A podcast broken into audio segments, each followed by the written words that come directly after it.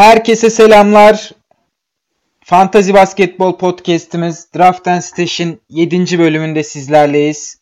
Her zaman olduğu gibi Anıl var yanımda. Nasılsın abi? İyiyim abi sen nasılsın?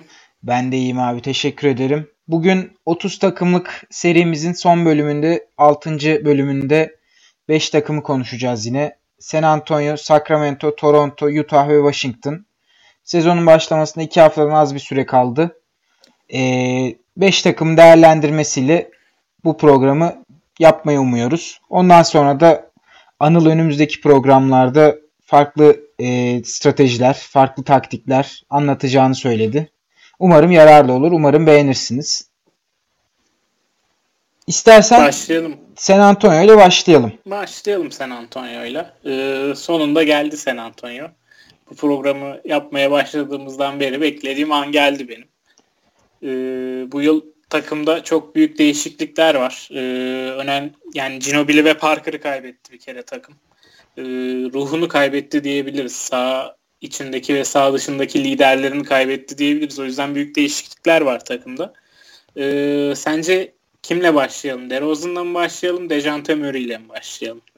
Abi bence e, DeRozan'la başlayalım. Ben hemen kısaca sana pası atmadan önce şöyle söyleyeyim. Ben DeRozan'ın geçtiğimiz sene Toronto'daki performansına yakın bir performans bekliyorum. Bu nedenle fantezi açısından da iyi ve değerli bir oyun olmayacağını düşünüyorum. Hemen sana atıyorum pası. Ee, ben de benzer bir oyun bekliyorum DeRozan'dan. Buna üstüne de DeRozan yani her yaz e, yani yeni her yeni sezondan önce yazın oyununa yeni bir şey eklemiş olarak geliyor. Bu yazda ball handling'ine çalışmış. Ee, gelen haberler bu şekilde. Bir de çok hırslı geliyor. Yani bunu bunu ne kadar sürdürebilir bu hırs? Ne kadar bütün sezona yansır? İçi ne zaman soğur DeRozan'ın bilmiyorum ama çok hırslı geliyor DeRozan bu yıla. Ee, çünkü hak etmediği bir takasa kurban gittiğini düşünüyor. Yani Toronto'ya e, bağlılık göstermişken bütün bu e, kariyeri boyunca hak edilmediği bir şekilde takaslandığını düşünüyor DeRozan. Kendine haksızlık yapıldığını düşünüyor. O yüzden ben intikam sezonunda da e, sezona çok iyi başlayacağını ama bütün sezonunda bu şekilde gitmeyeceğini düşünüyorum. Yani bütün sezon boyunca o hırsı göstermeyecektir. E, Ibaka'nın programına konuk olmuştu yazın. E, 50 atacağı şeklinde bir iddiaya girdiler Toronto'ya mesela. Yani öyle ilginç bir hırs da geliyor DeRozan. Pek ondan görmedim. Yani LeBron'a dört kere eğlenirken neredeydi bu hırs bilmiyorum ama e, bu yıl hırslı geliyor DeRozan. Ben de geçen yıla benzer istatistikler göstereceğini düşünüyorum DeRozan'ın. İşte e, 23-24 sayılar, bir üçlük, 5 rebound, 5-6 asist civarı e, katkılar gelecektir DeRozan'dan. Serbest atış yüzdesi ve kullandığı top sayısı yüksek olan bir oyuncu DeRozan. Oradan da katkı verecektir. Ee, buradan ikinci geçeceğimiz isim bence Dejante Murray olsun. Ee, Dejante Murray hakkında neler düşünüyorsun? Sen ne görüyorsun ben, bu yılki potansiyelinde? Dejante Murray ile ilgili olarak en büyük problem e, geçtiğimiz sezonun ortasında ilk beşe yerleştikten sonra bu adamın bir e, şutunun problemli olabileceği yani bir kaldırıp atabileceği bir jumper'ın olmadığı ve range'inin sınırlı olduğu yönündeydi ama yaz liginde ve preseason'daki haberler, görüntüler, maçlardaki oyunu Cantömer'in aslında bir jumper'a sahip olduğu yönünde yani buna çalıştığı yönünde bir bilgiler geldi, görüntüler geldi. Ben buna ne kadar inanmalıyız, bunu ne kadar e, göz, göz önünde bulundurmalıyız o konuda şüphelerim olsa da yine de oyununa olumlu olarak etkili, eklediği her bir e, setin Dejan Murray'nin gerek gerçek hayattaki gerek de fantezi hayatındaki değerini bir, bir hayli arttırdığını düşünüyorum. Bu sene de ben Dejan Murray'nin ilk 5 başladıktan sonra harika bir sezon geçirmişti fantezi açısından. Yine benzer bir fantezi sezonunu bekliyorum ona. İlk 100 katkısı vermesini ben çok rahatlıkla görüyorum. Geçtiğimiz sezonda sezonun son 2 ayında 78. bitirdi Murray. 27 dakika gibi Spurs standartlarında bir dakika alarak e, 6.6 rebound ve bunu bir guard pozisyonunun 6.6 rebound demek oldukça değerli bir istatistik demek oluyor. Üstüne bir de 2 steal ve yarım blok Murray'nin değerini arttıran en önemli iki unsur. Bunların yanına üçlük katkısını da eklediği zaman ben Murray'nin e, ilk 70'ten ilk 80'den seçilmesinin kesin olduğunu düşünüyorum ve yani biraz bu bold bir claim olacak ama Dejante Murray'nin zaman zaman dönem dönem ilk 50 performansları verebileceği zamanlar yaşayacağımızı düşünüyorum ben. Ben de katılıyorum yani dakikaları çok sınırlanmazsa yani 25 ile 20 arasında değil de 27 ile 30 arasında kalırsa sezon boyunca Murray'nin e, katkısının zaman zaman top 50'lerde olabileceğini düşünüyorum. Ben de çok şey bekliyorum bu yıl Dejante Murray'den. Özellikle üçlük atmaya başlarsa yani maç başına bir üçlük attığı zaman e, 13-14 sayısını bulursa bir üçlüğünü atarsa e, yine 6-7 rebound alıp 3-4 tane de asist yaparsa zaten iki top çalmaya yarım blok yapıyor maç başı ilk 5'e yerleştikten sonra. Çok değerli olabileceğini düşünüyorum Murray'nin. Ee, diğer bir isim Aldridge. Ee, Aldridge geçen yıl harika oynadı. Yani Aldridge sayesinde Spurs playoff yaptı. Geçen yıl Aldridge olmasaydı Spurs e, NBA draftında ilk 10'dan ilk 15'ten seçiyor olabilirdi. Portland'daki ee, efsane sezonları gibi oynadı aynen. diyebilir miyiz? Özellikle 13-14, 14-15'teki o Portland'ı taşıyan Aldridge gibi oynadı. Ya geçen gün bir Spurs yazısı okurken gördüm. Kariyerindeki en iyi üçlük yüzdesi, kariyerindeki en iyi sahaçı yüzdesi, kariyerindeki en iyi serbest satış yüzdesi, kariyerindeki en iyi blok yüzdesi, hı hı. E, top çalma yüzdesi. Yani her şeyde kariyerinin en iyisini oynadı neredeyse. Yani sayı olarak değil ama yüzdeler olarak kariyerinin en iyi sezonunu geçirdi geçen yıl. Bunu ama 12. Soldrich, sezonunda yaptı. Onu da unutmayalım. Aynen. Bu tamamen Popovic'le yaptıkları konuşma ve Popovic'in onu overcoach ettiğini fark edip Aldridge'in iplerini serbest bırakmasıyla alakalıydı. DeRozan'ın da oyununa karışmayacağını söylüyor Popovic. DeRozan Aldridge bence iyi bir ikili, ikili olabilir yanlarına doğru oyuncuları e, dizdikten sonra ki Spurs'un elinde de bu doğru oyuncular var gibi gözüküyor birkaç eksikle beraber. Ee, o yüzden ben olduğu için de DeRozan'ın da iyi sezonlar geçireceğini düşünüyorum. Bir de zaten e, hani Spurs eskiden makine gibi işleyen sisteminde Duncan'ın, Ginobili'nin, Parker'ın dakikalarını düşük tutabiliyordu ama bu yıl henüz o sistem makine gibi işlemeye çok müsait değil. Oyuncular çok yeni birbirlerine alışmaları süre alacaktır. O yüzden ben bu batıdaki vahşi playoff yarışında da Aldridge'in DeRozan'ın dakikalarını 33'lerden aşağı çekebileceğini çok zannetmiyorum San Antonio'nun. Rotasyon da eskisi kadar geniş değil. O sebeple ben Aldridge'in de DeRozan'ın da top 50 içinde kesinlikle katkı vereceğini top 30'lar gibi bir upside'larının olduğunu da düşünüyorum bu sezon. Ben DeRozan'dan biraz daha umutluyum yani Aldridge'e oranla. Onun da e, sebebi tabii ki yaş faktörü çok önemli bir sebep. Ve e, aynı zamanda senin de bahsettiğin gibi DeRozan'ın o intikam içgüdüsüyle biraz daha saldırgan olacağını düşün, düşünüyorum. O nedenle DeRozan'a karşı biraz daha ben yükseğim. İkisi arasında bir seçim yapmam gerekirse hangisi daha iyi bitirir diye. Uzunsuzluk var biliyorsun yani çok kaliteli uzunları draftın ön turlarında seçmek gerekiyor. Hı hı. Ee, ilk iki turdan falan uzun alamadıysanız üçüncü turda Aldridge'i bulursanız e, çok faydalı olabilir. Aldridge'in o açıdan diye düşünüyorum. En önemli artısı da kolay kolay maç kaçırmıyor zaten Aldridge. Evet, evet. Çok safe bir pick olacaktır yani, Aldridge. Yani Aldridge bu yıl top 40 oynasa bile 30'dan hı. seçtiğimde Aldridge beni pişman etmez. Yani Aldridge'in zaten dakikalarının da düşmesini pek mümkün görmüyoruz. Yani şöyle görmüyoruz. 30'un altında kalmayacağını düşünüyoruz. Kariyerinin Spurs yıllarında da özellikle zaten 30, 32 ve 33 dakika almış. Spurs de yine bu dakikalar içerisinde 20-22 e, sayı, 9-10 rebound, e, bir buçuğa yakın blok, bire yakın da steal verebilecek bir oyuncu. Ve bunları da yüzdelerinizde aslında bir uzuna göre muhteşem bir serbest atış yüzdesi çok iyi bir sağ içi isabetiyle ve hacimli bir şekilde yapması da Aldridge'in değerini katlayan şeylerden birisi. Biraz İstersen... daha fazla üçlük de atacak sanırım. Evet. Bire, bire yakın olabilir mi üçlüğü sence? Yani şey demiş Portland günlerimde o bir üçlükle oynadım maç başı bir üçlükle oynadım Portland günlerindeki kadar rahat hissediyorum çizginin gerisinden demiş. Olabilir. ihtimal yani, dahilinde. Anladım. Yani bu üçlüğünü de katkı olarak yazabiliriz diyoruz yani olduğu için. Evet.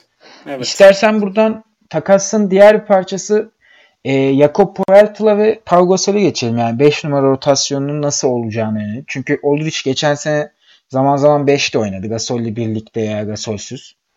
4-5 değişerek farklı bir e, pota altı durumu oldu Spurs'ta. Bu Hı-hı. sene pota altındaki dakikalar nasıl olur? Gasol geçen sene 21 dakika süre aldı ama artık yani yaş oldu 50. nasıl bir pota altı rotasyonu bekliyoruz Spurs'tan? Yani yine Gasol 18-20 dakika alacaktır ve bence ilk 5 çıkacaktır Gasol. Ee, çünkü şut daha önemli diye düşünüyorum. Ee, San Antonio'nun DeRozan, Aldridge ve Murray'nin yanına koyacağı o iki oyuncudan şut katkısı alması gerektiğini düşünüyorum. Ben dış şut katkısı alması gerektiğini düşünüyorum. Ee, hem de Gasol tecrübesiyle e, Dejante'nin üstündeki sorumluluğu da biraz alabilir Aldridge ve DeRozan'la birlikte. O yüzden ilk 5 Gasol çıkacaktır ama 18-20 dakikayı geçmeyecektir Gasol'ün dakikaları. Hı-hı. Geçen yılki katkılarında düşmesini bekleyebiliriz. Yani 8 sayısı 6-7'lere düşebilir. 7.5 reboundu 6-7'lere yine düşebilir. Hani 2.8 asisti 2'lere düşebilir. Yine maç başı bir blok olabilir. Daha fazla üçlük kullanacaktır. O yüzden FG'sinin iyice düşmesini bekliyorum ben. Geçen yılda %44'müş zaten. Serbest satış yüzdesi de çok iyi değil Gasol'ün ama çok kullanmıyor. Zaten 2.8 kullanıyormuş maç başı. Bu belki ikilere düşecektir. Hı hı. O yüzden Gasol yani upside'ı çok sınırlı olan uzun ihtiyacınız olduğunda 1-2 haftalık kullanabileceğiniz bir oyuncu. Ama bence Poeltl'da daha yüksek bir potansiyel var. Sen nasıl görüyorsun Poeltl'ı? Ben Gasol'e şöyle bir ekleme yapacağım abi. Gasol'ü bence Spurs'un back to back'inin olmadığı veya deplasman turlarının olmadığı rahat haftalarda değerlendirmek gerekebilir. Çünkü Spurs'un o, da, o zamanlarda Gasol'ü oynatmaktan çekinmeyeceğini düşünüyorum ama onun olmadığı zamanlarda da bir diğer oyuncu Jakob Poeltl'a süre vermelerini ben bekliyorum. Poeltl geçtiğimiz sene Toronto'da tamamen bench'ten gelerek 18 dakika gibi bir süre aldı ve %66 gibi olağanüstü bir şut yüzdesiyle oynadı.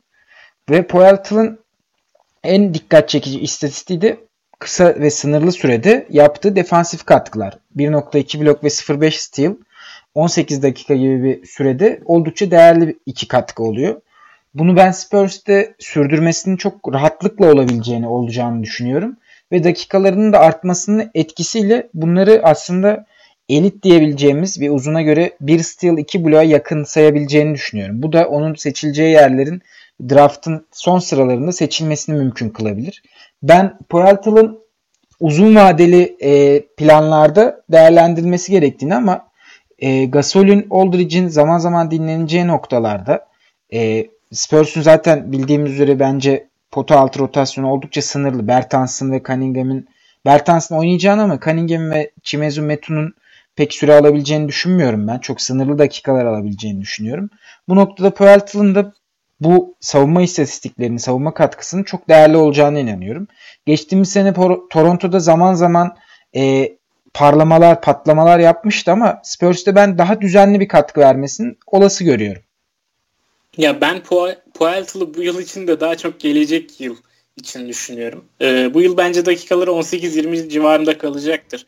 Spurs'te bir öğrenme süresi geçirecektir. Kendini geliştirecektir yıl boyunca. Bu yıl oynayacağını düşünmüyorum ben sadece 18-20 dakikayı. O da Gasol'ün varlığından dolayı çünkü Aldridge'in de 5 e, numaradan bir 10-12 dakika süre alacağını düşünürsek yani 18 Gasol, 18 Poeltl, 12 dakika Aldridge iyi bir rotasyon gibi duruyor orada. Ee, ama seneye Gasol eğer takımda kalmazsa ki kalmaması yüksek bir ihtimal o zaman Poeltl'ın dakikaları çok artacaktır. İlk 5'e de geçebilir Poeltl.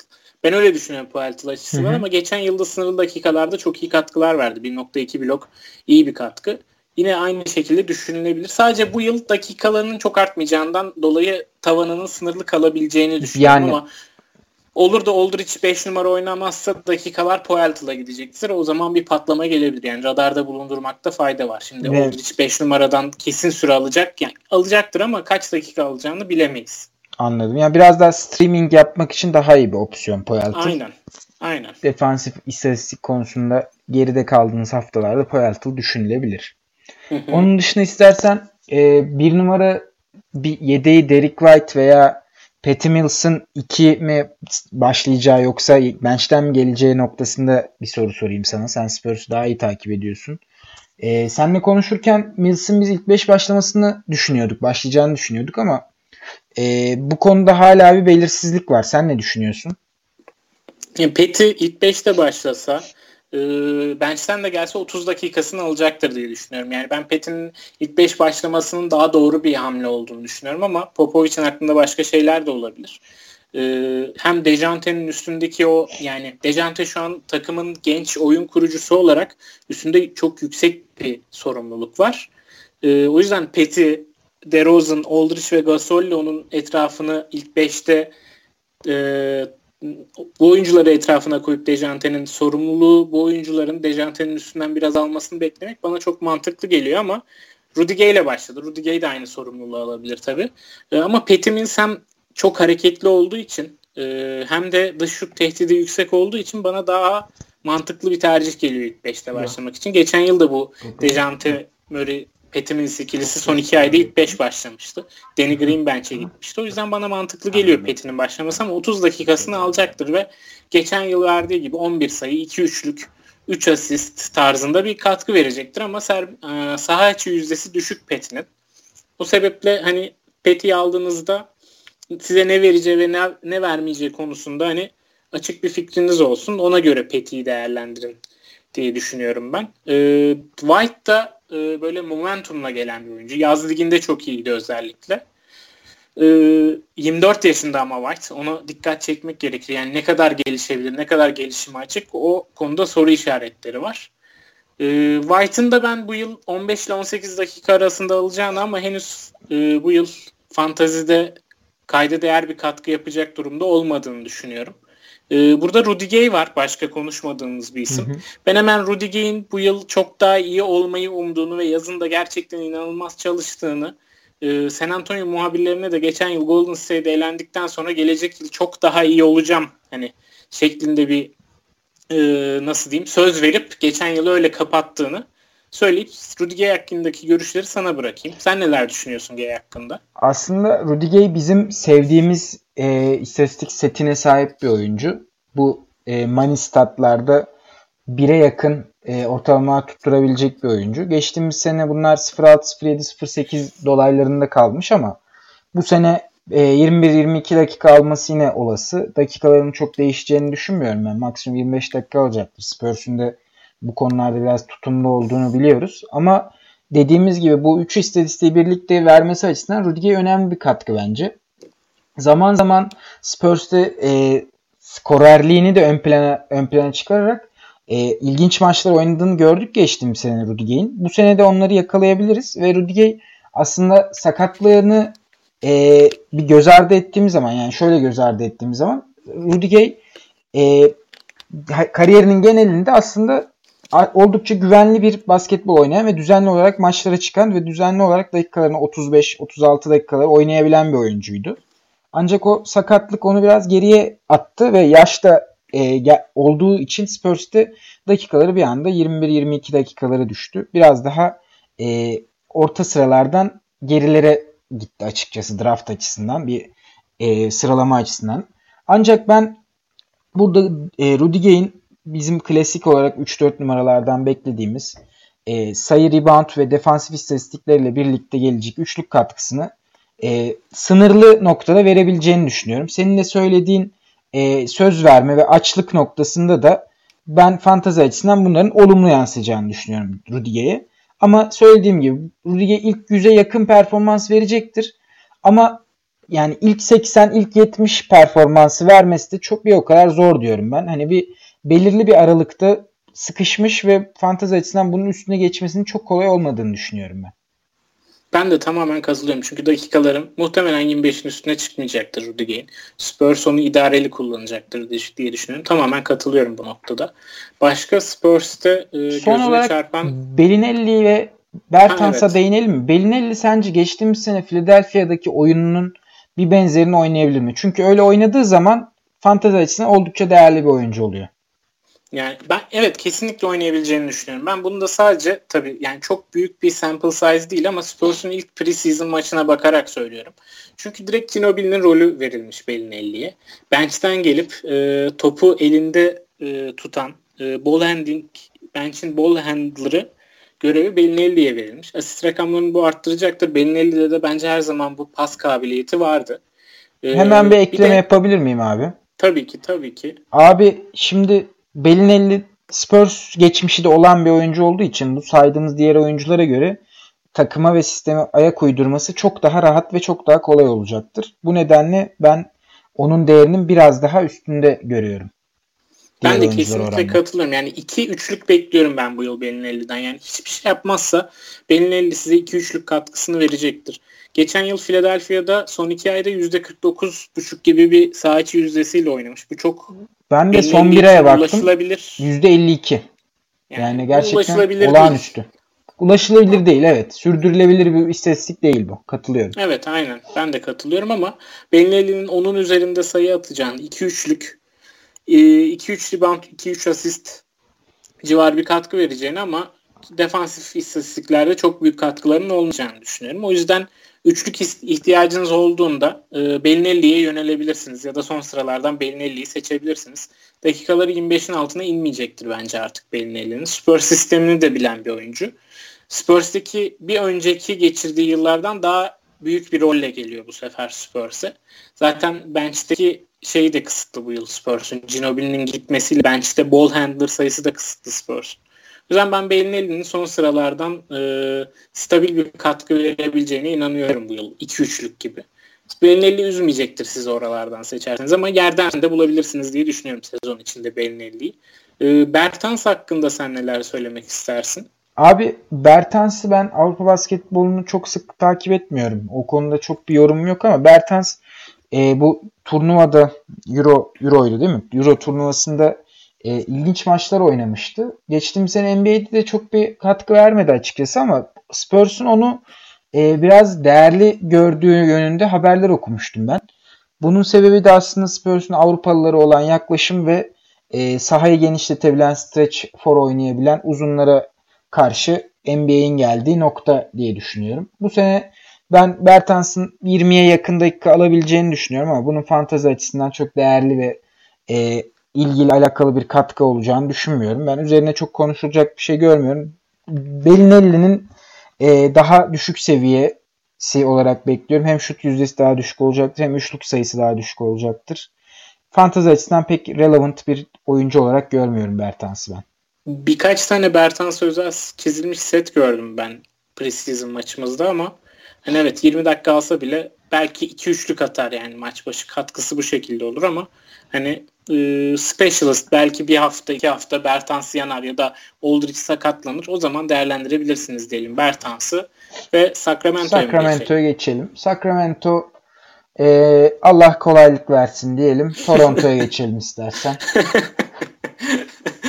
Hani ben Toronto'ya da Allah kolaylık versin diyorum. Çünkü sezon boyu Kawhi Leonard'ın gidecek mi gitmeyecek mi sakatlığı ne durumda nasıl oynuyor bir, bir adım yavaş mı eski halinde mi bunlar uğraşacak onlarda. Onlardan da kime geçelim? Utah'a geçelim. Utah. İşin geyiği bir yana şimdi Sacramento'da abi ben bir tane oyuncu dikkatimi çekiyor. Buddy Hield. Onun da Bogdan Bogdanovic gelene kadar değerinin uçacağını düşünüyorum ama Bogdanovic gelince de ben değerli olacağını inanıyorum. Ancak Sacramento ne yapar ne eder bu adamı değersiz gösterir diye de korkmuyor değilim.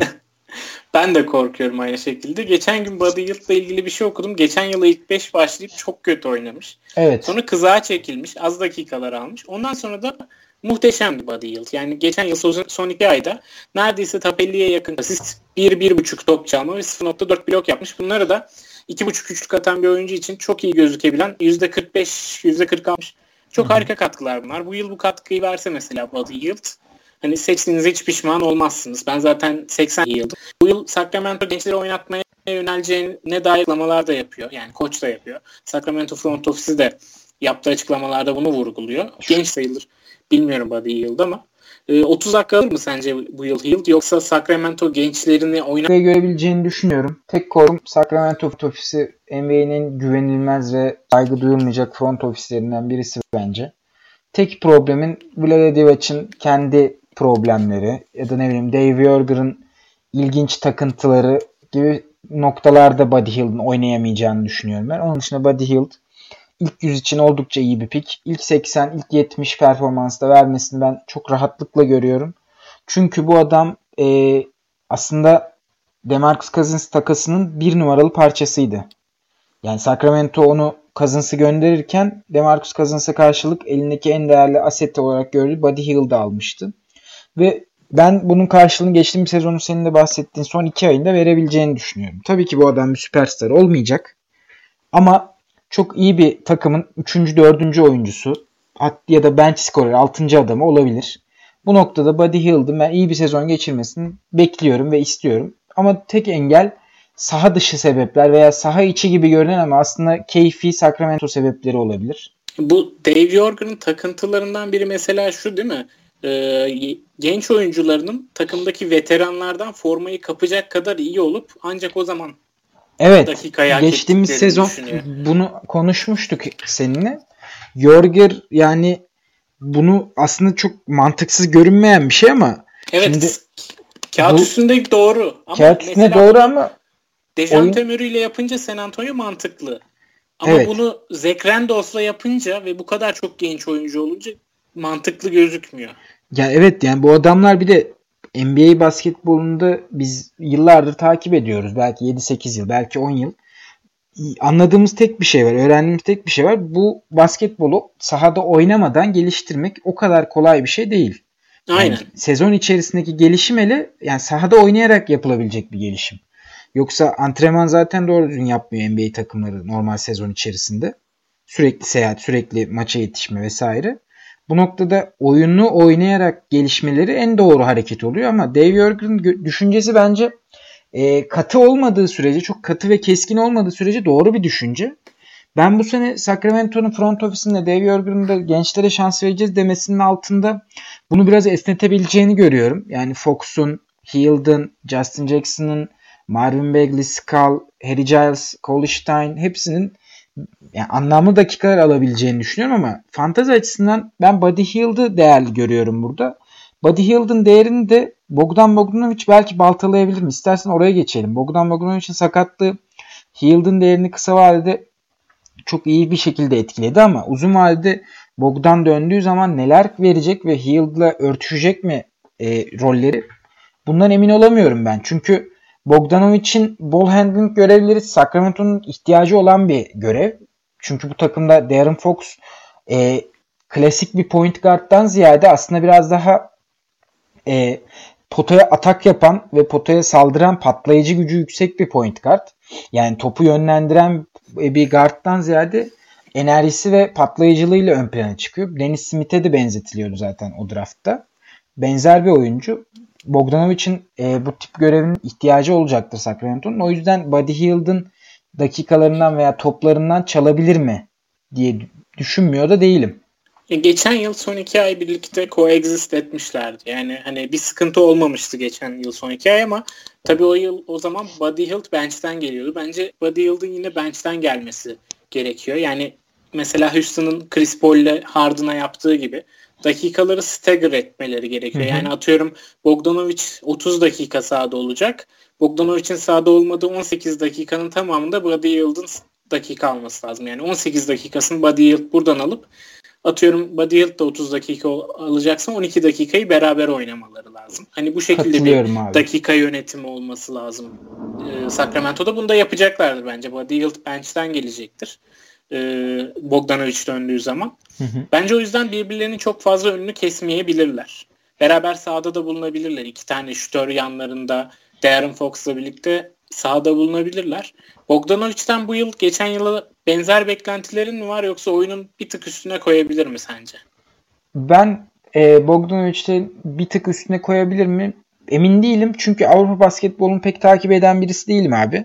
Bunu Avrupa'yı takip edenler daha iyi bilir. Geçtiğimiz sezonla paralel istatistikler beklemek gerçekçi olacaktır diye düşünüyorum. Bu da Bogdanovic'in draftın arkalarından 140-130'lardan katkı verebileceğine inandığınız ölçüde seçmenizi tavsiye edebilirim ama ben çok e, radarımda bulunan bir oyuncu değil açıkçası.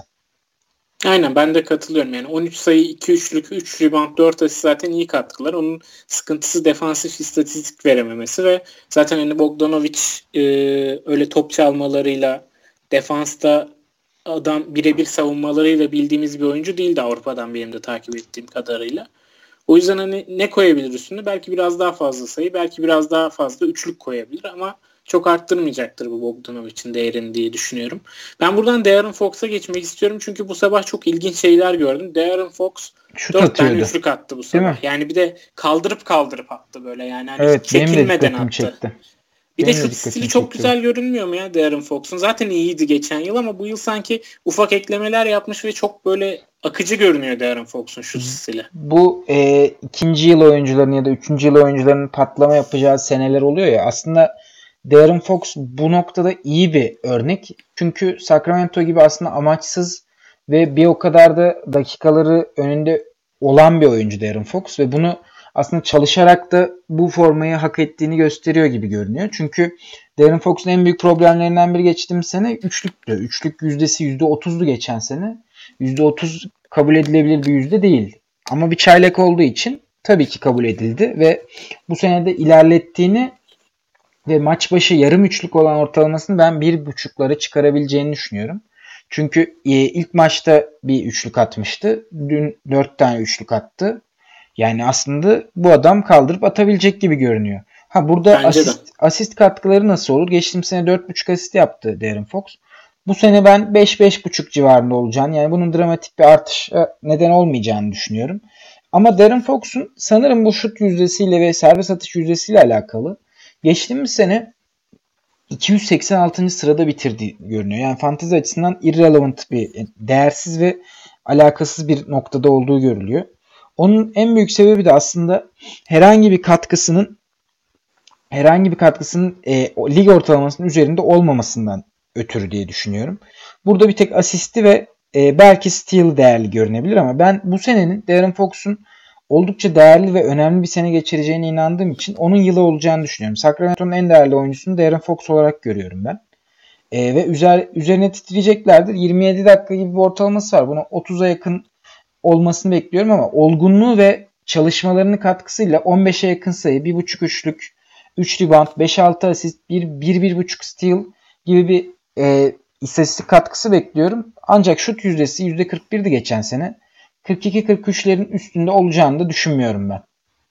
Ben de yani daha doğrusu şöyle şu, e, bahsettiğin istatistikleri yaparsa yani 15 sayı, 1.5 üçlük 5.5-6 asist yaparsa bu %42'ye yakın şut yüzdesi ve %71'e yakın serbest atış yüzdesinin çok etkilemeyeceğini düşünüyorum. Yani bir anda e, tabanını, Darren Fox'un tabanını en az 150'ye tavanını da yüzlerin üstüne çıkaracaktır bence. Yani 90'lara doğru gelebilir Darren Fox bu yıl senin ver, dediğin istatistikleri yaparsa oranın üstüne çıkması da tamamen yüzdelerini ve özellikle serbest atış yüzdesini geliştirmesiyle alakalı diye düşünüyorum ben.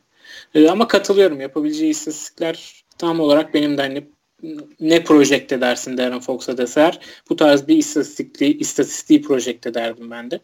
Buradan burada başka önemli aslında çok önemli oyuncular var uzun rotasyonunda da e, bence programın süresi açısından da burada konuşacağımız uzunları bence e, sınırlayabiliriz. Yani mesela Scala Bisiyer hakkında konuşmaya değer mi sence? Abi pek bilmiyorum yani ne kadar oynayacağına dair herhangi bir fikrim yok birincisi. İkincisi e, Skull'dan ziyade Bagley'i de konuşmuştuk. Skull'ın da konuştuk. Hani hızlıca geçelim. Orada dikkat çeken bir diğer oyuncu Willie Cauley-Stein ve Harry Giles. Sence dakikaları nasıl olacak bu ikisinin? Ya vallahi Willie Cauley-Stein geçen yıl 30 dakika alıyordu ve ona rağmen hani sezon nerede bitirmiş? Son iki ay 125. görünüyor ama e, full season'da şu an bakamıyorum. Sen bakabiliyor musun? Bakıyorum abi. Ben 125. bitirdiğini görüyorum. No, normal Orada sezon. da mı?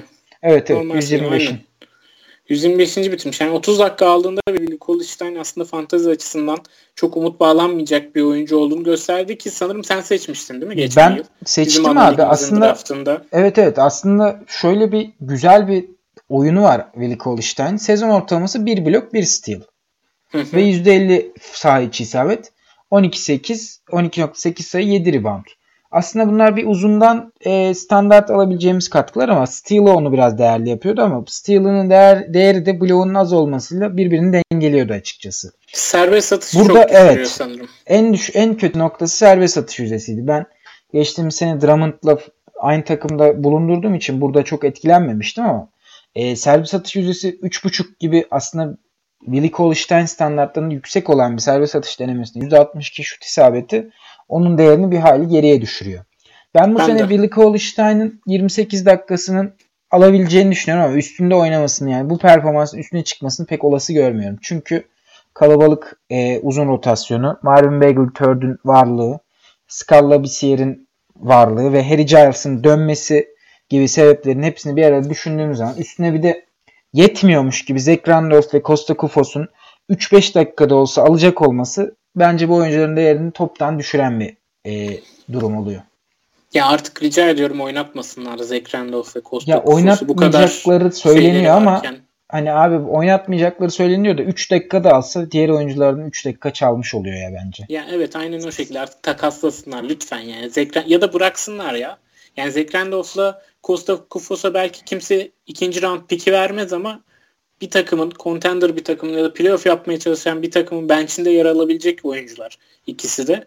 Hani hem kendiniz kurtulun hem gençlerinize dakika açılsın hem de bu oyuncuların kariyerlerinin önüne set çekmeyin. Yani bırakın bu oyuncuları gitsinler. Herkesin içinde win-win bir durum yani. Hani illa bir ikinci evet. tur piki kovalamaya gerek yok bu oyunculardan. Artık taşın suyunu sıkmaya gerek yok diye düşünüyorum. Ben Harry Giles'tan ümitliyim. Hı hı. Ee, Harry Giles e, nasıl diyeyim böyle bir üçlük bir stil bir blok gibi yani bu sene ulaşamayacaktır. Çünkü dakikalarını çok vermeyeceklerdir muhtemelen. Koç da onun hakkında 2-3 yılı var tarzında açıklamalar yapıyordu. Ee, zaten ağır bir sakatlıktan geliyor. İki kere ACL'ini koparmış bir oyuncu lise zamanında. Ee, genç yaşta kopardığı için belki daha iyi toparlayabilir ama tabii riskler var her zaman olduğu gibi ACL koparan bir oyuncunun kariyerinin devamı için. Ama e, bu yıl olma, olmasa bile gelecekte hani Harry iyi yerlere geleceğini düşünüyorum. Bu yılda bence bu Willie Cauley-Stein ve Scala Bissier'den daha iyi performans gösterecektir. Özellikle All-Star arasından sonra diye düşünüyorum. Scala ve Willie Cauley-Stein da yine dakikaları almaya devam edecektir. İlk 5'te başlatıyor zaten Yorger. Hani kafanın aslında değiştiği ama çok da değişmediğine delalet bir durum bence. Cauley-Stein ve Lavissier'i ilk 5 başlatmaları. Ama All-Star arasından sonra Harry Giles bence buradaki en fantezi açısından değerli uzun olabilir. Ee, Marvin Bagley'e de son olarak kısaca değinelim istersen. Rookie'lerde değinmiştik ama. Rookie'lerde değinmiştik abi. Ben yani söyleyecek çok bir şey bilmiyorum açıkçası. Çok takip ettiğim bir oyuncu değildi. Sacramento'nun uzun alması da yani şaşırtmadı aslında. Ben Allah kolaylık versin diyorum. Sen bir şey belirtecek misin? Ya ben de Bagley'nin defansif istatistiklerinin sınırlı olması onu sadece e, sayı belki yarım üçlük bir üçlük atan, rebound çeken bir oyuncuya e, yani sadece bu alanlarda katkı veren, savunmaya katkı çok vermeyen, üçlüye de çok katkı veremeyen bir oyuncu haline getiriyor. O yüzden Bagley hani draft etmeye bence değmeyecek bir oyuncu ama tabii ki radarınızda bulunsun. O star arasından sonra ben Harry Giles ve Bagley'nin dakikaları daha fazla almaya başlayıp hani değerli katkılar verebileceğini düşünüyorum. Sadece takip etmek lazım Bagley'i. Çünkü Bagley bence istatistikleri nasıl olur şeklinde bir projection yapmak da çok kolay olan bir oyuncu değil diye düşünüyorum. Hele de Sacramento'da bence pek mümkün değil abi bunu tahmin etmek. Aynen yani bunu tahmin edebilecek olsak başka Herhalde, şeyler konuşuyor olurduk yani. Yani ben hemen Justin Jackson'a da değineyim. Geçtiğimiz senin çayla bu sene ikinci yılında. Ee, Summer League'de ilginç maçlar oynadı. 26-28 sayı attığı maçlar oldu ama ben Justin Jackson'ın e, iyi bir oyuncu olduğunu düşünmüyorum. Çünkü Summer League'de 26-28 mi atıyordu ya? Ben ya, kaçırmışım bunu. Sonlarına doğru Summer League'in biraz böyle kendi gelir gibi oldu. Arada şu şey e, sayı atamadığı maç da var.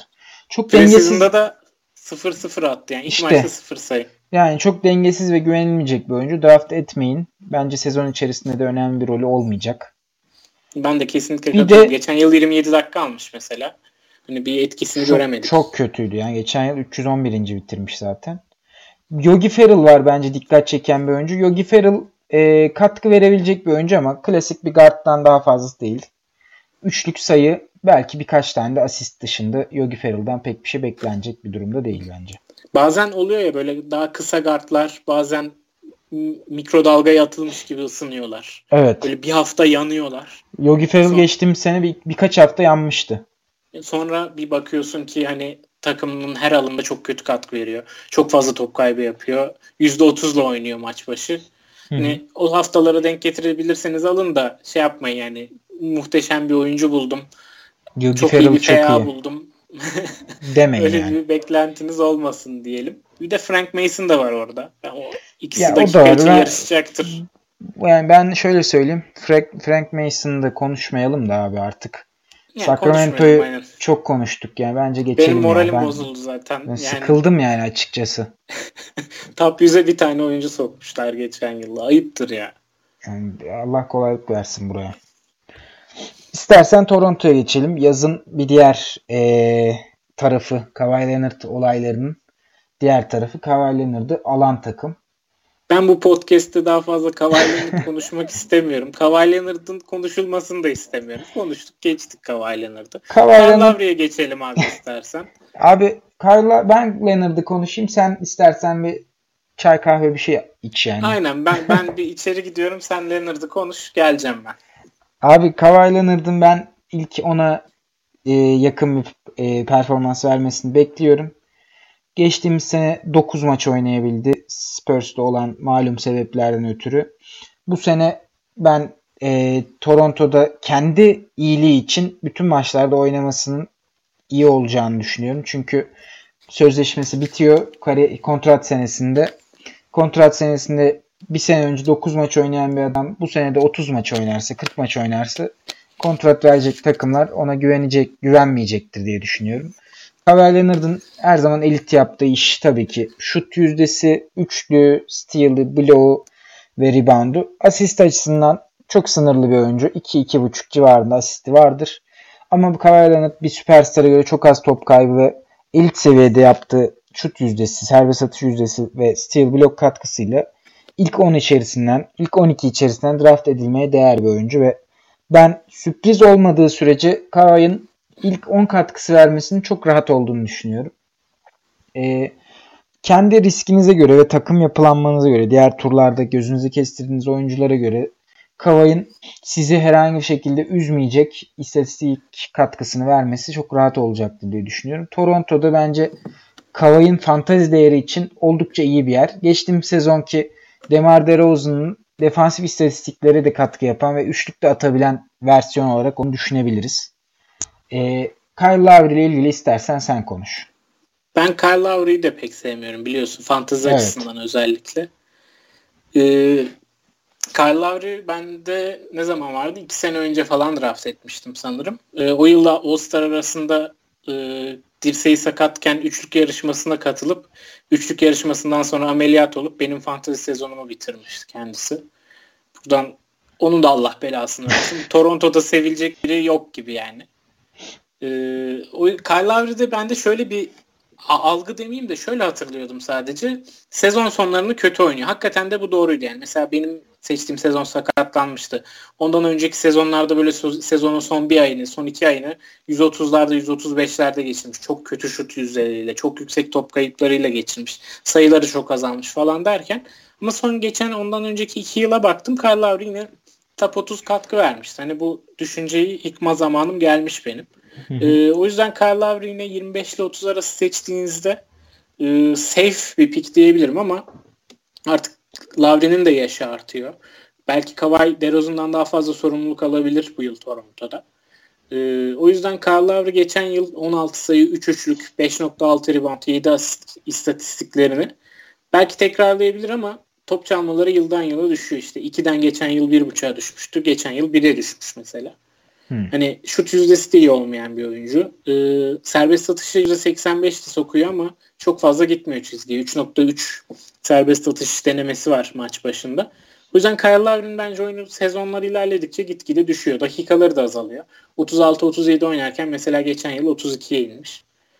Yani düşüş ee, trendine girdi diye düşünüyorsun öyle mi? Düşüş Lardy? trendine aynen yani seçip Hı-hı. böyle heyecanlanacağım bu istatistiklerini bu yıl arttıracak dediğim bir istatistiği yok Lavre'nin. O yüzden Lavri'yi seçmesini başkasına bırakırdım açıkçası. Yani tamam safe belki top 30 top 30, en düş fazla düşeceği yer top 35 safe ama beni heyecanlandırmıyor draft yaparken Kyle Lavri. Tutup da top 20 oynayacağını düşünemiyorum mesela bu yıl. Öyle bir havası yok. Zaten DeRozan gittiğinden dolayı da moralin bozuk olduğu da söyleniyor. Evet. En yakın arkadaşıydı zaten. Bayağı iyi bir ikililerdi. Saha dışında Aynen, o yüzden, da. O yüzden yani Lavre diyor mudur acaba? Keşke DeRozan kalsaydı da ben Spurs'e gitseydim falan diyor mudur acaba yani? Hani Spurs hiç değilse daha iyi bir ortam. Yani bilmiyorum. Ben de bilmiyorum. Şimdi Lavri'den ben biraz daha sen de umutluyum abi. E, 20'ye yakın atabileceğini düşünüyorum ama söylediğin şeyleri de genel haliyle katılıyorum yani artık düşüş trendinde.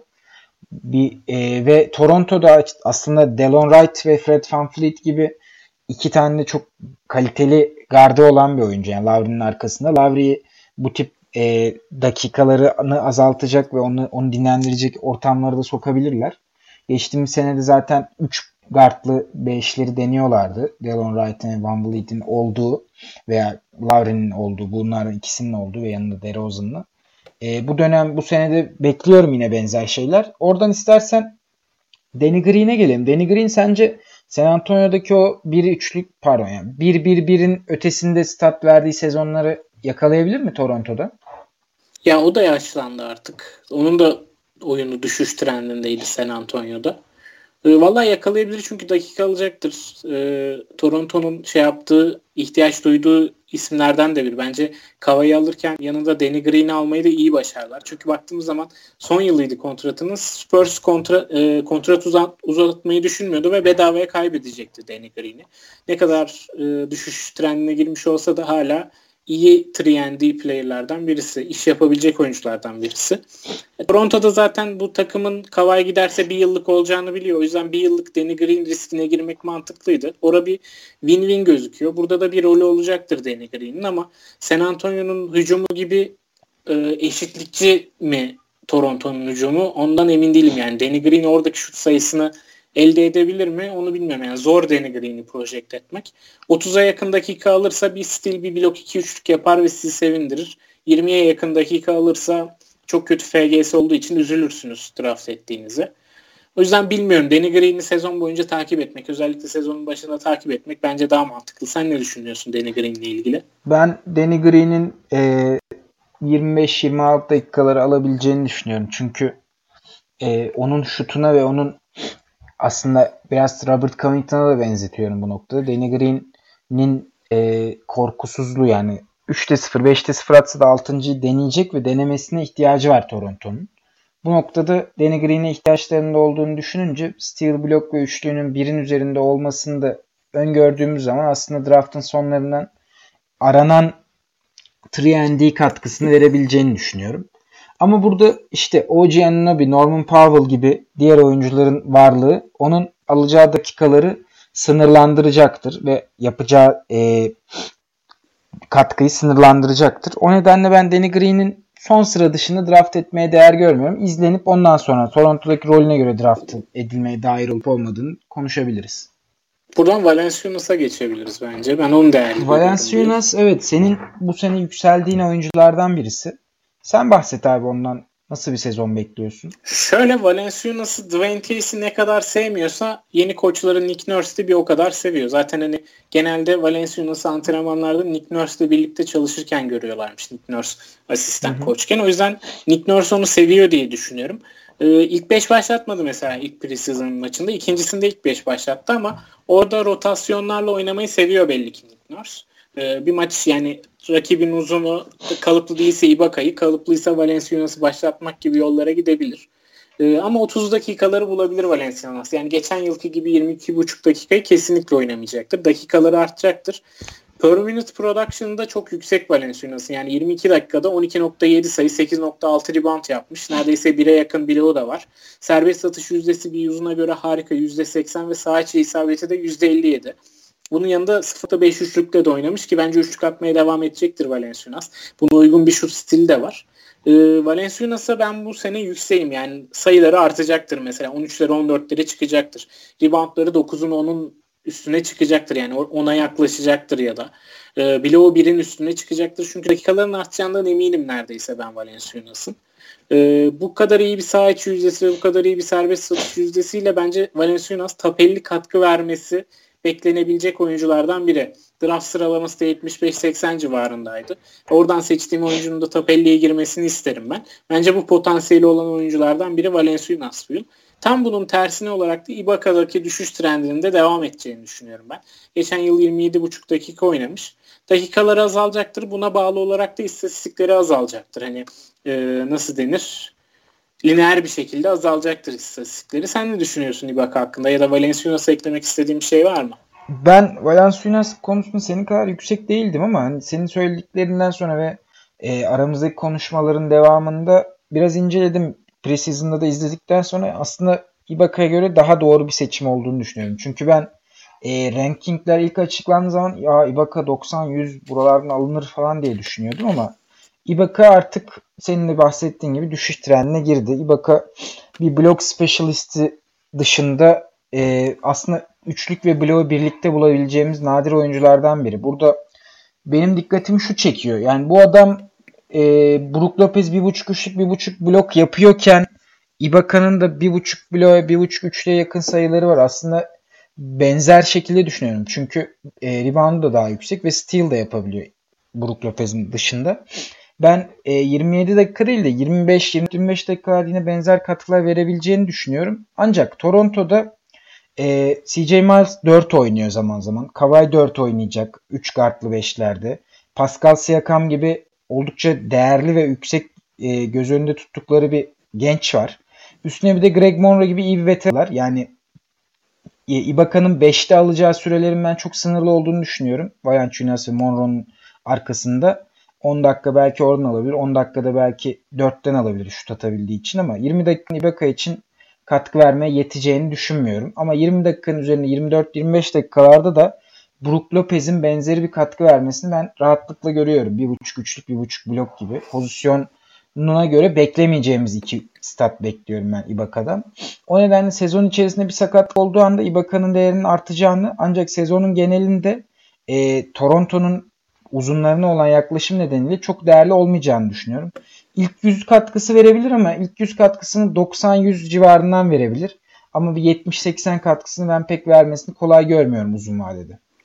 Ben de aynen katılıyorum. Yani dakikalar azalacaktır diye düşünüyorum iyi bakın. Yani çok çabuk düştü. Yani artık yaşını mı büyüttüler bu adamın da ama yaşını mı küçülttüler de böyle. Yani 35 yaşında gibi görünüyor Ibaka sahada. Sakatlıkların da etkisi vardır ama bilmiyorum düşüşte. Yani yıllardır Toronto'ya geldiğinden beri özellikle düşüş trendinde Ibaka. O yüzden ben çok güvenemiyorum bu yıl Ibaka'ya. Yani ama bir buçuk üçlük bir buçuk blok yapabilir mi? Yapabilir. Değerli istatistikler. Faul çizgisinden de iyi atan bir oyuncu. %80'e yakınla atıyor. Asist ve stil katkısı vermiyor neredeyse. Onlar tabii eksi tarafları ama ya öldürmeyelim hani draft edilmez. Ibaka bitti demeyelim tabii, de. Yani geriye sarktığı zaman düşünülebileceğiniz bir oyuncu ama yerinden 80'den 90'dan almamanızı tavsiye edebilirim. 100'den 110'dan evet. almak daha mantıklı bir hareket olur. Evet. Katılıyorum. Burada Dallin Wright ve Fred Van Vliet gibi 20'şer dakika alan iki oyuncuları var. Anunobi de var 20 dakika alan. Rollerinin ben değişeceğini öngörmüyorum bu yıl. Yani 20 dakikaları alıp böyle 140'larda 150'lerde katkı vermeye devam edecektir bu oyuncular. Bu oyuncular üstüne konuşalım mı yoksa? Abi ben hemen şunu belirteyim. Bu oyuncuların saha içindeki değeri fantazi değerlerinden çok daha ötede olduğu için fantazi hakkında konuşulacak bir değer bir şey görmüyorum ben. Yani evet mesela Van Vliet bir buçuk üçlük atıp bir stil yapıyor ama FG'si düşük. Dallin Wright bir üçlüye yakın atıp bir, üç, bir stile yakın yapıyor. Yarımda blok yapıyor. FG'si yüksek ama onun dışında 3 asist, 3 rebound, 8 sayı sizin ne kadar ilginizi çeker? Ha, bilemiyorum yani. Hani fantezi açısından değerleri var mı bilemiyorum. Belki son adamınız olarak görmek isteyebilirsiniz oyuncuların profillerine de bağlı olarak deyip bence Utah'a geçelim. Çünkü e, Philadelphia Dallas maçı da başlayacak birazdan. İşte evet. Utah'da Mitchell var, Ingles var, Gobert var, Rubio bunları alın. Ee, Washington'da da tabii Bradley Beal, John Wall, Howard çöp onu almayın deyip programımızın e, sonuna gelelim diyorum ben. Maçı kaçırmayalım. Hemen o zaman konuşalım abi. Ee, geçtiğimiz seneden farklı olarak bir şey bekliyor musun Utah'ta? Valla çok beklemiyorum. Belki Crowder'ın dakikaları bir iki dakika artar. Favors'ın dakikaları bir iki dakika azalır.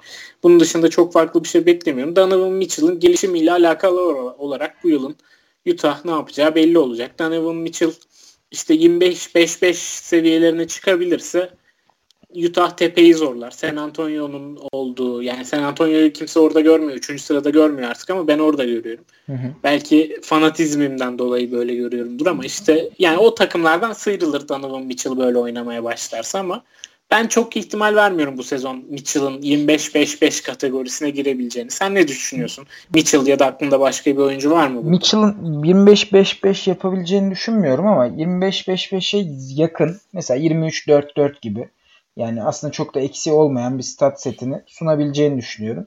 ben Mitchell'ın ilk 25, ilk 30 katkısı verebileceğini düşünüyorum ama ben geçtiğimiz seneki gibi böyle e, ilginç anlar, zamanlar yaşamasını pek mümkün görmüyorum. Çünkü artık önlem de alacaklar Mitchell'a karşı. Mitchell... Beklentileri de çok yüksek yükseltti. Artık şaşırmayacağız evet, da. Evet şaşırmayacağız da. O nedenle Mitchell iyi bir oyuncu olarak devam edecek. Belki All-Star da olabilir bu sene. Yani benzer oyununu oynarsa. Ancak fantazi açısından e, çok uçuk kaçık bir sezon beklemiyorum. Geçtiğim sezon 54. sırada bitirmiş. İlk 50 katkısını kesin görüyorum. E, ilk 30 katkısı da işleri iyi giderse ilk 30 katkısını da yapabileceğini düşünüyorum. Baktığımda da geçtiğimiz sene zaten 3.7 rebound, 3.7 asist yapmış. Bunların dördünün üstüne çıkardığı, steal'ını ve üçlüğünü de koruduğu sürece Mitchell değerli bir parça olacaktır. E, buradan ben Rubio'ya geçmek istiyorum. Rubio geçtiğim sezon 83. bitirmiş görünüyor. E, rankingi de 57-60 civarında Rubio'nun. Ben Rubio'dan bu sene ilk 50 katkısı verebileceği bir sezon bekliyorum. E, şut yüzdesini geçtiğim sezonun sonundaki e, kendini toparlamasıyla şut yüzdesini artıracağına inanıyorum. E, asistleri ve reboundları aslında Mitchell'dan beklediğimiz seviyeye yakın 5.5 rebound 5.5 asist civarında bir sezon bekliyorum. Rubio'nun geçtiğim sene 29-30 dakika oynadığını da düşünürsek bu sene benzer katkıları vermesi bence yine rahatlıkla olacaktır. Zaman zaman orada Dante Exum oynayabilir. Dante Exum'un e, geçtiğimiz sezon ara ara iyi oynadığı maçlar olmuştu. Ancak Dante Exum, Mitchell ve Rubio gibi beşler de görebiliriz sezon içerisinde. Inglis'in 4, Gobert'in 5 oynadı. Utah aslında yapı olarak harika bir takım bence. E, fantezi açısından da oldukça değerli parçaları var. Ingles ve e, Gobert'in de ilk 50'de bitmesini ben çok e, olası görüyorum. Aslında baktığımızda e, ilk 5'inden 4 oyuncunun ilk 50 içerisinde bitirmesi gayet olası bu takımın. Sen ne düşünüyorsun özellikle Gobert hakkında? Yani Derek Favors da geçen yıl 91 bitirmiş. Yine oralarda bitirebilir. Bak ilk yüze 5 oyuncu tak sokan takımlar da var. Bir de 92. sıradan falan e, Buddy Hield'ı zorla sokan Sacramento da var. Yani biz Utah konuşmayıp da Sacramento'yu niye konuşuyoruz diye düşünüyorum. Rubio hakkında da geçen yıl alıştık. Yani daha doğrusu alıştıktan sonra kendi takımına Rubio. Yani sezona yine kötü başlayıp iyi bitirdi Rubio. Hatta son iki ayı top 35'te geçti. İşte 15 sayı, 1.5 üçlük, 5.3 rebound, 5.6 asist, 1.7 top çalma gibi e, istatistikleri var. Rubio asist çok düştü Utah'ta. Ona yakın asist yapan bir oyuncudan 5.5-6 asist yapan bir oyuncuya dönüştü ama bunu attığı üçlüklerle kapattı ve değeri şu an değişmemiş durumda. Toplam genelde Rubio'nun de- değeri değişmemiş durumda. Ben yine aynısını bekliyorum Rubio'dan. Yani 30 dakika alıp 15 sayı, 1.5 üçlük, 5-6 rebound, 5-6 asist, 1.5-2 top çalma istatistiğini bekliyorum. Sağ içi yüzdesi yüksek olmayacaktır. 43-44 iyidir diye düşünüyorum. Çünkü 38'lerle atan bir oyuncu Rubio ve değerli bir oyuncu Rubio bence. Ben ee, burada şunu bahsedeyim çok benzer abi. Bir Hemen. şey var. Pardon. Ee, ben e, Mitchell ve Gobert dışındaki Utah oyuncuların biraz e, underestimate edildiğini, değerinden daha aşağıda görüldüğünü düşünüyorum. Ben de kesinlikle katılıyorum. Aynen İngiliz çok değerli bir oyuncu mesela. Sen hani, İngiliz hakkında bir şey söyleyecektin. Böldüm. Devam et abi sen. E, iki buçuk üçlük altı rebound. Mesela Batum'da görüyorduk bu tarz katkıları. E, ona yakın bir katkı veriyordu İngiliz. Hatta belki aşıyor bile Batum'un verdiği katkıyı. 1.2 stili var. %47 FG'si var. Mesela Batum'da bunu göremiyoruz. FG farkıyla, mesela içi yüzdesi farkıyla Batum'a aşan katkılar veriyor İngiliz diye düşünüyorum. Bence değerli İngiliz. Bu yılda bu rolü aynı şekilde koruyacaktır. Utah için de önemli. Gobert de geçen yıl e, son iki ayda 19'uncuymuş. Sezonun genelinde de Gobert geçen 30. yıl 30'uncuymuş. Son iki ayı daha iyi oynamış demek ki. Ya da serbest satış yüzdesi yükselmiştir. Ya da attığı serbest sayısı atış sayısı düşmüştür diye düşünüyorum. E, 13.5 sayı 10.7 rebound. iyi istatistikler. 10.7 rebound Gobert için biraz az kalmış gerçi ama ondan daha çok 12-13 rebound bekleniyor. 2.3 blok zaten harika yani. Geçen yıl 2 bloğun üstünde yapan 3 tane oyuncu var. Bunlardan biri Porzingis, diğeri Anthony Davis, diğeri de Rudy Gobert. Gobert aldığınız zaman blokta arkanıza bakmanıza gerek kalmıyor ama serbest atış yüzlerinize en kötü etkiyi yapan oyunculardan biri. Bu aklınızda olsun. Hani Gobert'i seçtiğiniz zaman. Onun dışında da burada konuşulacak Favors var bence. Favors da underestimate edilen oyunculardan bir tanesi. Sen Favors'a daha yükseksin sanırım benden. Evet ne abi. düşünüyorsun Favors hakkında? Favors'ın ben e, açıkçası Steve Block ve 12 sayı 7 reboundu %57 ile yaptığı bir e, oyununu e, 150. sıradan aldığım için mutlu oluyorum. Yani 150. sıralarda draft ediliyor. Ve bu oyun ilk 100 oyunu. ilk 100'e girmesi açısından 150'den draft ettiğim bir oyuncu ilk 100'e girdiği anda ben e, olumlu görüyorum. Favors'ın da bu istatistikleri devam ettirmemesi için bence önünde hiçbir sebep yok. Zira 28 dakikada yapmış bunları. Ben Favors'ın 28 dakikasının garanti olduğunu düşünüyorum. Gober'in e, ve Favors'ın zaman zaman birlikte oynadı. Zaman zaman Gober'in yedeği olarak e, Favors'ın oynadığı beşlerde de Favors'ın bir steal, bir blok, 0-3-0-4 üçlük gibi aslında Favors'a pozisyonuna ve oyun tarzına göre ekstra olarak sayılabilecek işler yapmasını bekliyorum.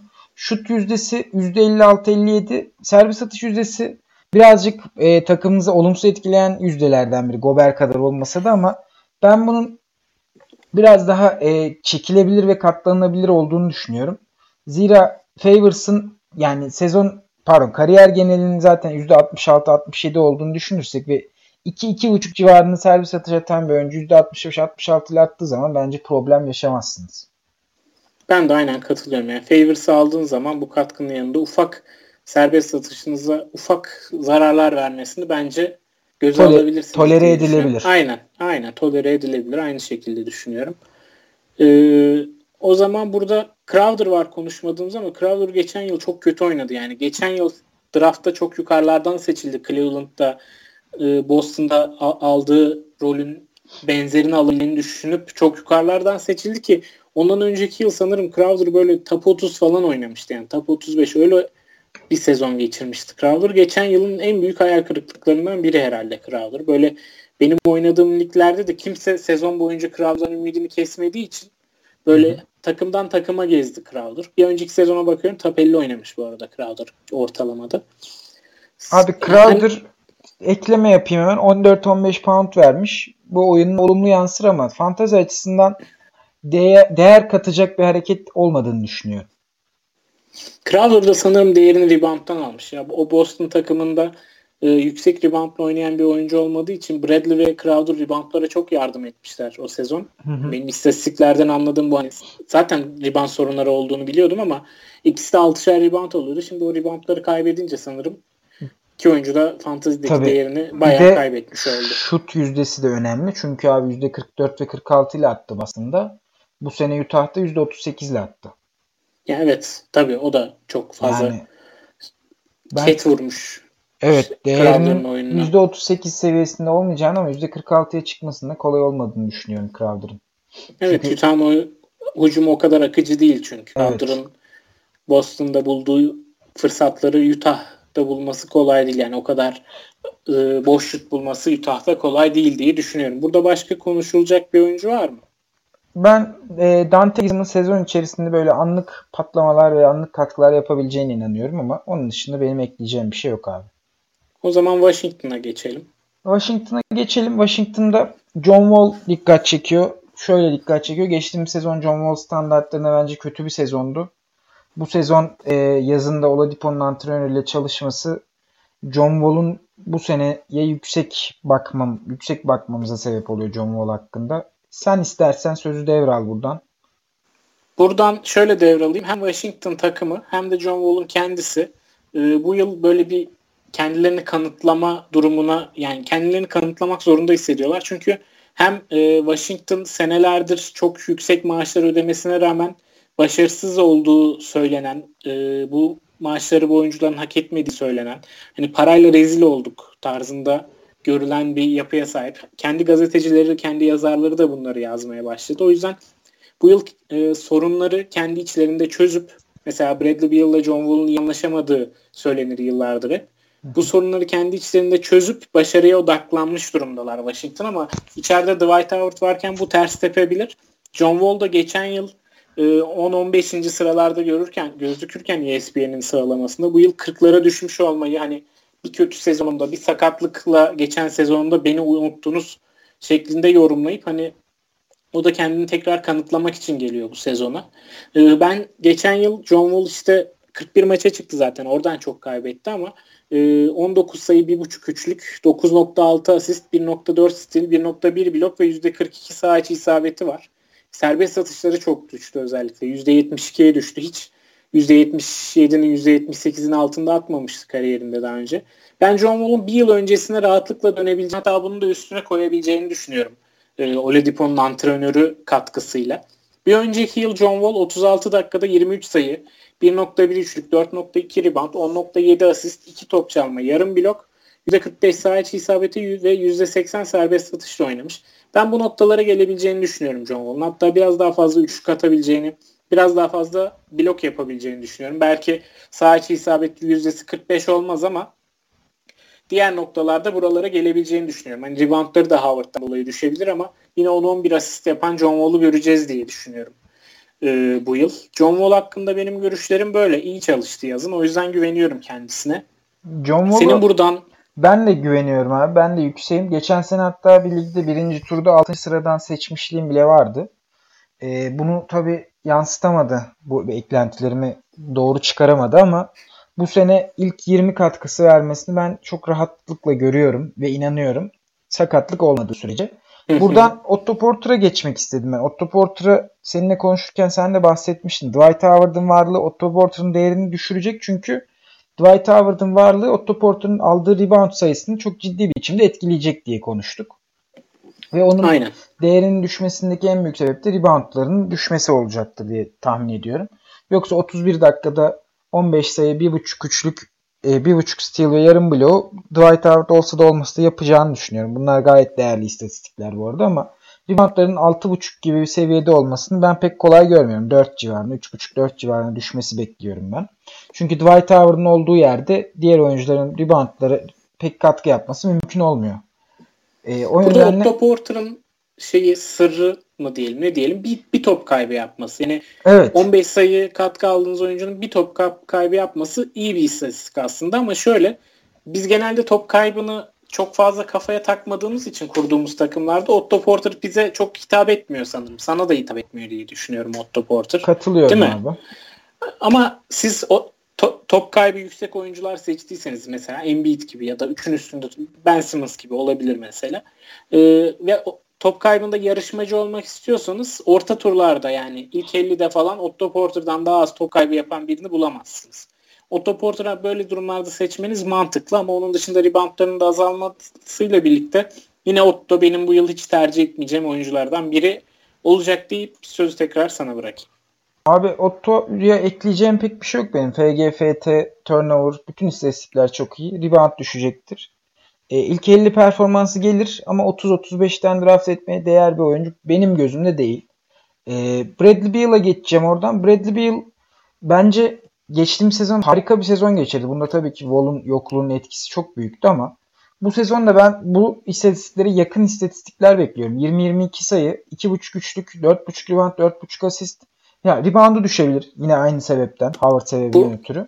Ama, Burada ufak bir ekleme yapayım mı? Tabii abi. Ee, Scott Brooks üçlü katın diye bağırıyormuş antrenmanlarda sürekli. Medyaya da bu açıklamaları yaptı. Yani diyor ki e, yazarlara, muhabirlere Otto Porter'ı gördüğünüzde soru sormadan önce üçlük at deyin Otto, Otto'ya diyor. Bu bir için de geçerli. Otto üçlüklerini iki buçuğa bir yıl üçe çıkartabilir mi mesela? Abi bence çıkarabilir. Şu yüzden zaten iki buçukla atan bir oyuncu Bill. E, iki buçukla atan bir Beal'ın 3'e John Wall'un etkisini 3'e çıkarmasını ben rahat görüyorum. Geçtiğim sezon belki de bu sebeple geride kaldı Beal. Ee, ben bu sene Beal'dan yine benzer istatistiği bekliyorum. Yine ilk 25 katkısı görmemizin çok rahatlıkla olacağını düşünüyorum. Hemen şöyle ekleyeyim. Ee, bir önceki sezon Beal 2.9 üçlük atmış zaten. 2.9 üçlük evet. atan bir oyuncu bir sezon önce Wall'un da etkisiyle ben 2.5 üstünde üçlük atacağını garanti edebilirim. Elit seviyeye çıkmış demektir bir yıl. Ee, bir yıl 3 üçlük atarsa çok iyi olur mesela. Evet bir yıl 3 üçlük attığında muhteşem olur. FG'sin %48 attı bir önceki sezon. Bu sezon %46 attı. Bunun ben %46'larda kalabileceğini, devam edebileceğini düşünüyorum. Ee, bu da bir yılın değerini arttıran bir istatistik oluyor bence. Ve e, yarım blok gibi bir blok istatistiği var. Bir garda göre beklenmedik bir istatistik. Bunun azalması ya da olmaması olası Dwight Howard'ın etkisiyle ama Yani yaptığı ve bunu sürdürdüğü her dakika, her e, maç bence artı olarak size dönecektir. Dakikalarında garanti oldu. 34-35 dakikasında garanti olduğunu düşünüyorum ben. Ben de bir noktasında sana katılıyorum. Howard'ı konuşalım o zaman. Howard e, geçen yıl 16 sayı atıyordu Charlotte'da. Bu çok fazla imkan bulduğu için de Charlotte'da. Yani Kemba'dan başka skorer yoktu. Batum'da sezonun bir kısmını sakat geçirmişti. Bu 16 sayı gelmeyecektir. Ben Howard'ın sayılarının 12'lere düşeceğini düşünüyorum. Yine reboundlarda ve bloklarda etkili olacaktır Howard. Hiçbir şüphem yok bundan ama e, yani artık yaşlanıyor ve acaba ona verilen görevi yapmaya mı odaklanacak yoksa yine post oynayıp kendi kariyerinde geçirdiği gibi yani o inatçı kendi oyununu oynayan takımdan kopuk Howard'ı mı göreceğiz onu bilmiyorum ama 12 sayı 12 rebound 1.5 bloğu bence Howard'ın garanti. Tabii ki çok kötü serbest satış atacak. Tabii ki çok yüksek sayıda serbest satış atacağı için de bu kategoride sizi çok kötü etkileyecektir Howard. Ama onun dışında dediğim gibi 12 12 1.5 blok %55'te FG arıyorsanız ve serbest satışı e, umursamayan bir takım kurduysanız Howard takımınızda değerlendirilebileceğiniz bir oyuncu diye düşünüyorum. Onun dışında da Howard'a ekleyecek çok bir şey yok zaten. Bunu ilk programda da söylemiştik. Howard'ı alıyorsanız servis atışı unutuyorsunuz. Yani bunun lamicime hani başka bir şey yok bence. Ona göre bir takım kurmak zorunluluk haline geliyor. Ee, yok servis atışı iyi olan oyuncuyla toplarım gibi bir dünya kolay kolay olmuyor Dwight Howard'ın olduğu yerde. Aynen o şekilde. Bunu göze alın diye ekleyelim ve başka burada konuşmak ben, istediğimiz... draftın son sıralarından Markif Morris'in iyi bir ekleme olabileceğini düşünüyorum. Özellikle Dwight Howard'ın su kaynattığı durumlarda Markif Morris gerçekten e, Washington'ın sarılacağı bir oyuncu olacaktır. Geçtiğimiz sezonda 27 dakikada 11.5 sayı, 1 rebound, şey 1 üçlük, 6 rebound, 2 asist, 1'e yakın steal ve yarım bloğu %48 ile yapıp %82 ile de serbest atış atmış bir oyuncu.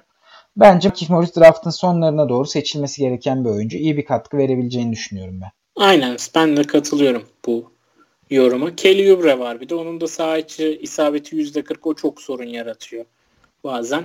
Ee, o da bir, bir buçuk üçlük bir steal ve dört buçuk rebound alıp 12 sayı atan bir oyuncu. Hani üçlük ve steal lazım olduğunda değerlendirebilirsiniz ama hem üçlük atıp hem steal yapan oyuncular zaten e, sağ içi isabetinize zarar vermeden bulamıyorsunuz. Bulduklarınızı da zaten draftta üst turlardan seçmek durumundasınız.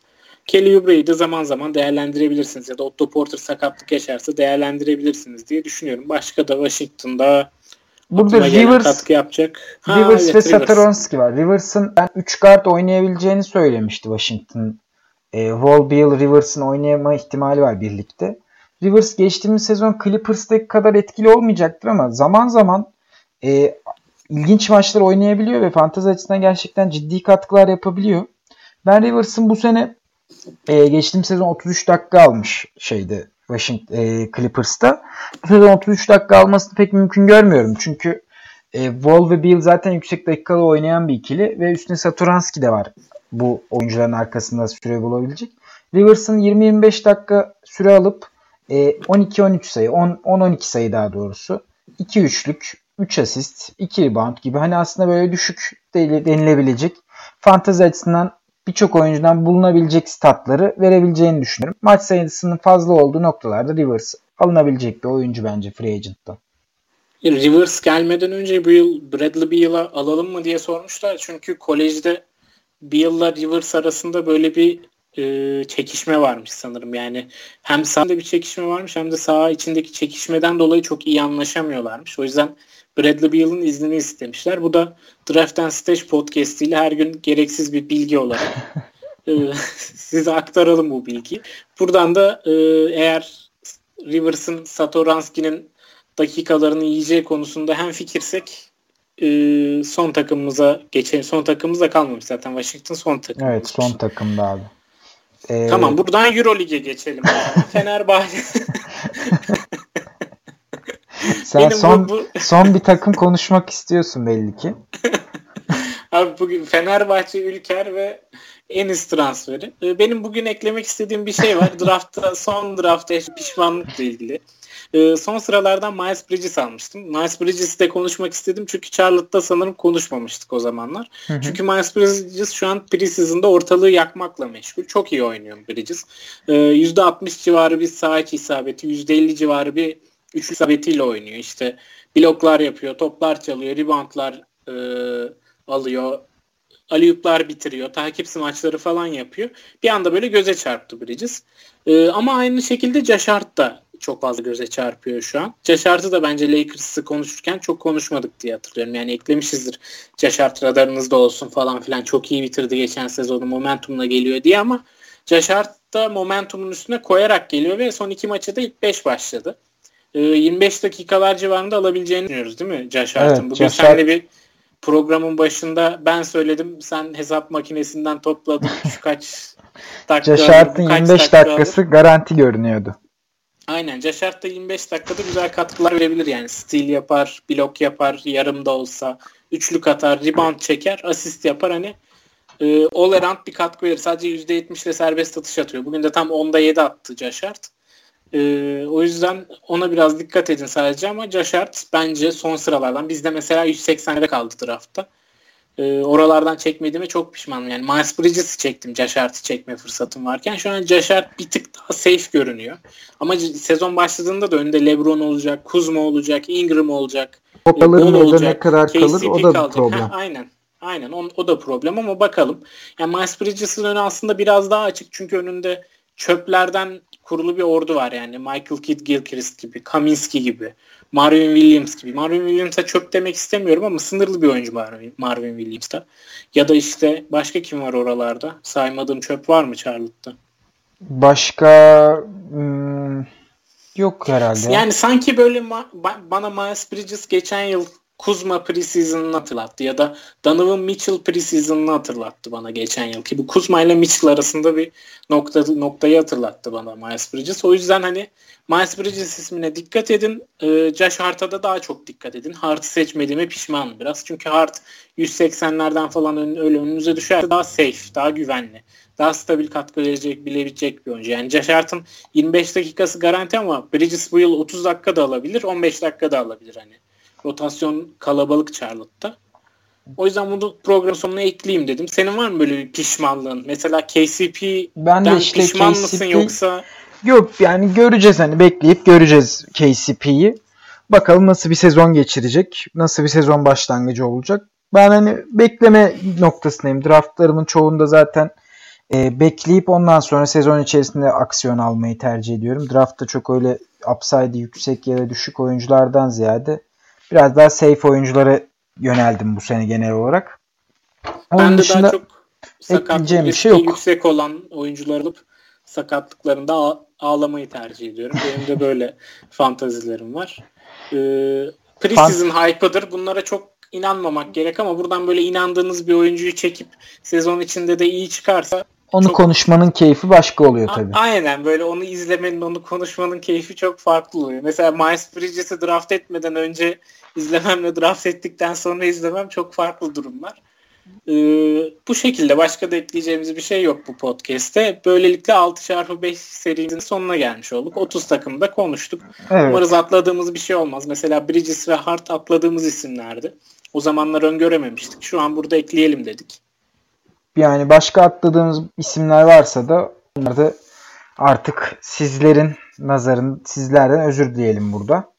Bu arada ee, maçta kaçıyor artık kapatalım. Evet yavaş yavaş kapatalım. Ben e, birkaç hafta boyunca olamayacağım maalesef askerlik nedeniyle.